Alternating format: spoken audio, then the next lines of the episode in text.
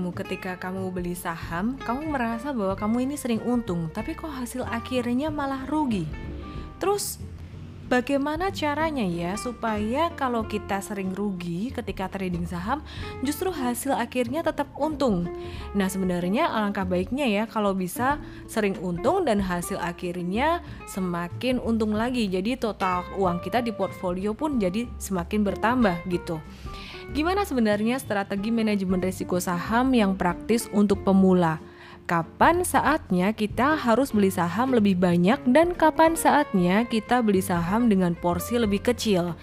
Kali ini saya akan bahas tentang strategi manajemen risiko saham, money management saham untuk pemula dan very very practical banget yaitu beli saham berapa banyak.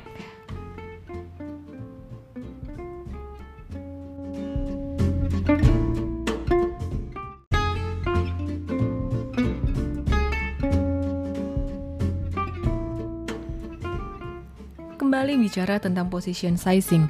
Biasanya kita akan beli dengan porsi lebih kecil kalau sebuah saham baru mengalami transisi dari stage 1 menuju stage 2 menambah porsi beli ketika sebuah saham melanjutkan tren naiknya dalam stage 2 yang kuat dan kita akan mengurangi posisi atau mengurangi porsi beli dengan cara kita jualan separuh nih ya kalau sebuah saham memasuki stage 3 dan dengan menjual semua saham itu kalau saham itu turun dari stage 3 ke, ke stage 4 jadi sesimpel itu.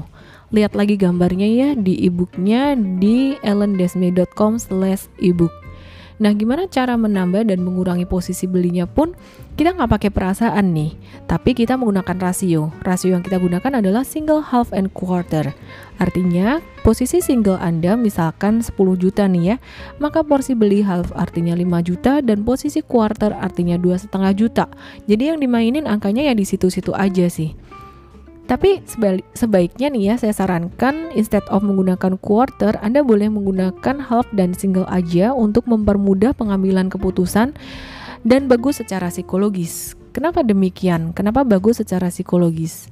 Karena kalau Anda beli setengah dan setelah itu harga saham naik, Anda nggak akan merasa kurang. Dalam hati Anda akan berkata, untung aku udah punya setengah ya.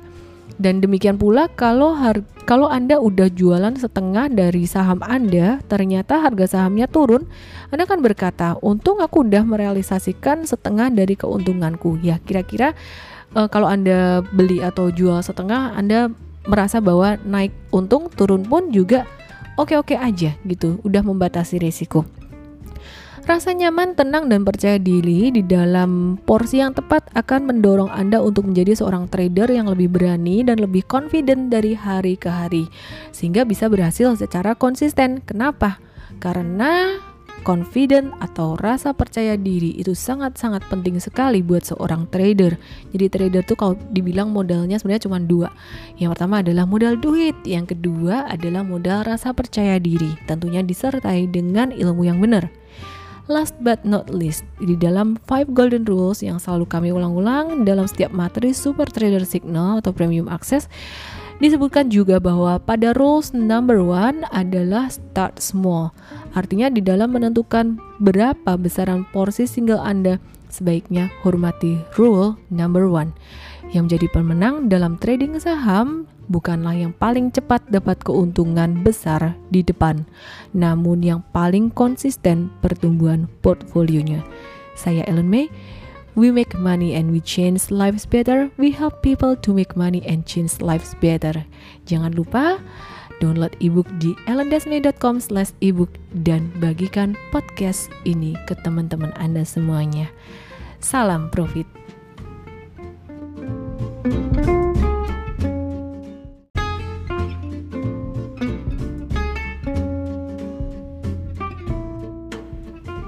Membeli saham dengan nominal yang sama memang memudahkan untuk perhitungan untung rugi dalam setiap transaksi, bahkan tanpa harus menggunakan kalkulator. Jadi Anda udah bisa hitung secara praktikal.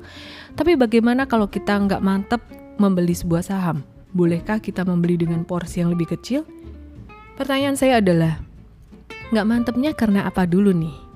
Karena feeling aja seperti yang dilakukan oleh Budi atau ada dasar logisnya. Kalau alasan Anda adalah karena feeling aja, maka saya sarankan sebaiknya Anda beli jual saham dengan nominal yang sama untuk mengeliminasi faktor emosi, faktor fear and greed. Kalau Anda takut dengan risikonya, bisa start dari modal yang kecil dulu. Nah, lain halnya nih, kalau Anda udah bisa membaca tren pergerakan pasar dan memahami harga saham tersebut saat ini sedang berada di stage berapa, maka Anda boleh mengatur porsi beli Anda lebih besar ataupun lebih kecil. Bagi alumni Super Trader Workshop yang sudah memahami tentang perubahan stage atau fase dalam tren harga saham, kami meng, kami menyarankan untuk mengurangi porsi beli saham ketika tren harga saham tersebut tidak berada pada stage 2 atau bukan berada pada tren naik yang kuat. Sebenarnya apa sih yang dimaksud dengan stage dalam sebuah siklus harga saham? Nah, Sekali lagi nih ya, ini ada gambarnya, ada visualnya. Jadi kalau kamu belum download ebooknya, silahkan download di ellendesmay.com slash ebook ya. Jadi ellendesmay.com slash ebook, silahkan download di situ. Oke, stage 1 merupakan fase di mana harga saham mulai berbalik dari tren turun atau berjuang menjadi tren naik.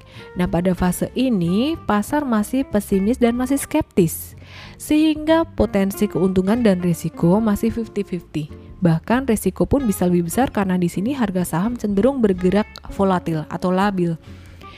Kemudian memasuki stage 2 merupakan fase di mana harga saham berada dalam tren naik yang kuat. Pada fase ini, pasar menjadi lebih optimis sehingga demand lebih besar daripada supply dan mendorong harga saham naik. Potensi keuntungan pun tentunya akan lebih besar daripada risiko. Di stage yang ketiga, Stage yang ketiga ini di atas ya merupakan fase di mana harga saham kembali terkonsolidasi atau stagnan dan mengalami perlambatan tren naik. Pada fase ini, pasar dalam kondisi euforia banget dan mulai banyak pelaku pasar yang udah mulai merealisasikan keuntungan karena dia beli di harga bawah. Bahkan beberapa investor besar juga sudah mulai merealisasikan keuntungan. Memasuki masa konsolidasi, potensi keuntungan dan kerugian kembali menjadi 50-50. Pada fase ini, super trader signal atau premium access akan memberikan rekomendasi jual atau tunggu jika ingin membeli. Ya, biasanya kita kasih rekomendasi wait and see. Pada stage 4 merupakan fase di mana harga saham berada dalam tren turun karena banyak orang melakukan profit taking. Pada fase ini, pasar berada dalam kondisi pesimis kembali pada fase ini potensi untung jauh lebih kecil daripada potensi kerugian. Oleh karena itulah kita sebaiknya menghindari beli saham pada fase 4 atau stage 4 ini. Nah, Super Trader Signal atau Premium Access itu cuman ngerekomendasiin saham-saham yang mengalami transisi dari stage 1 menuju stage 2 atau berada dalam stage 2 yang sangat kuat. Sementara itu, jika sebuah saham memasuki stage 3, kita cenderung akan wait and see sampai ia kembali terkonfirmasi naik menjadi stage 2 lagi dan bukannya turun jadi stage 4. Well, kalau kamu bingung dengerin saya ngomongin stage 1, 2, 3, 4 apa ini ya? Mesti visual, jadi kamu mesti lihat gambarnya, download aja deh ebooknya di ellendasmay.com slash ebook. Nah gimana caranya menambah dan mengurangi posisi beli?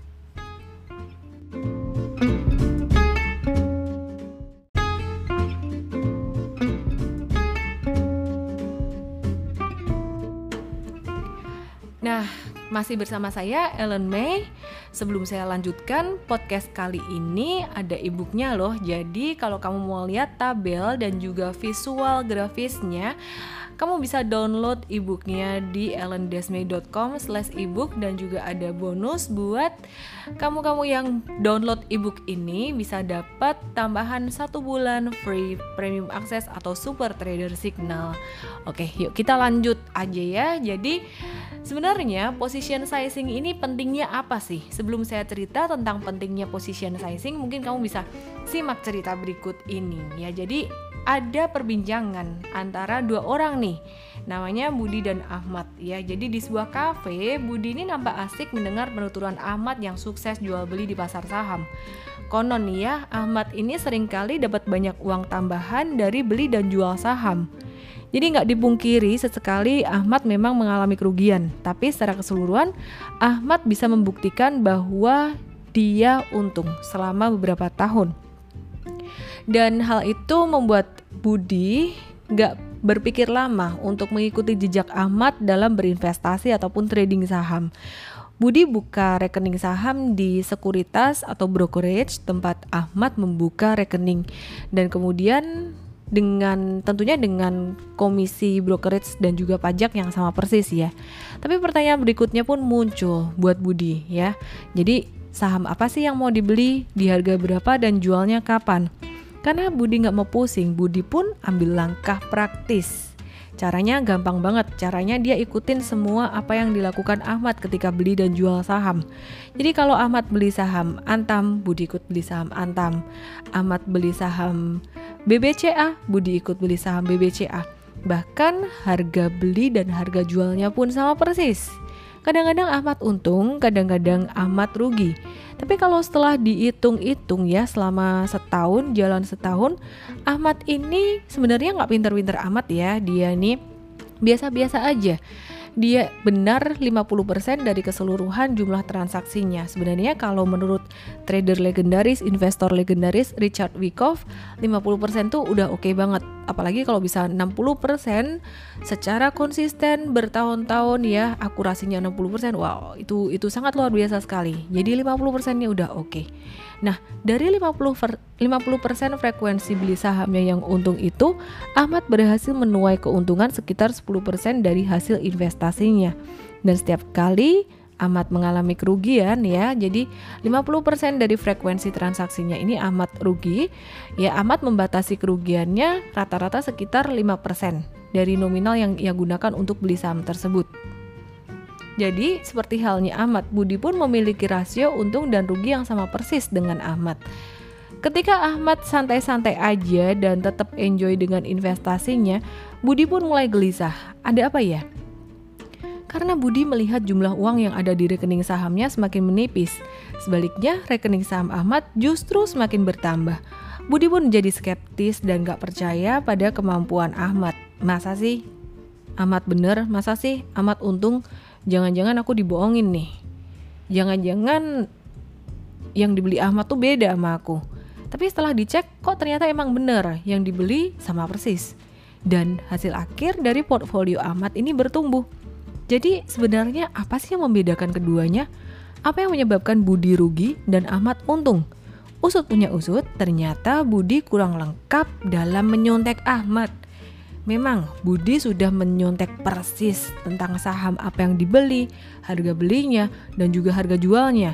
Tapi Budi ternyata nggak menyontek satu hal penting yang bisa menentukan hasil akhir, yaitu position sizing. Apa sih yang dimaksud dengan position sizing? Position sizing artinya adalah berapa banyak nominal yang kita gunakan untuk membeli sebuah saham dan merupakan bagian dari money management dan risk management. Segitu pentingkah peran position sizing dan money management saham?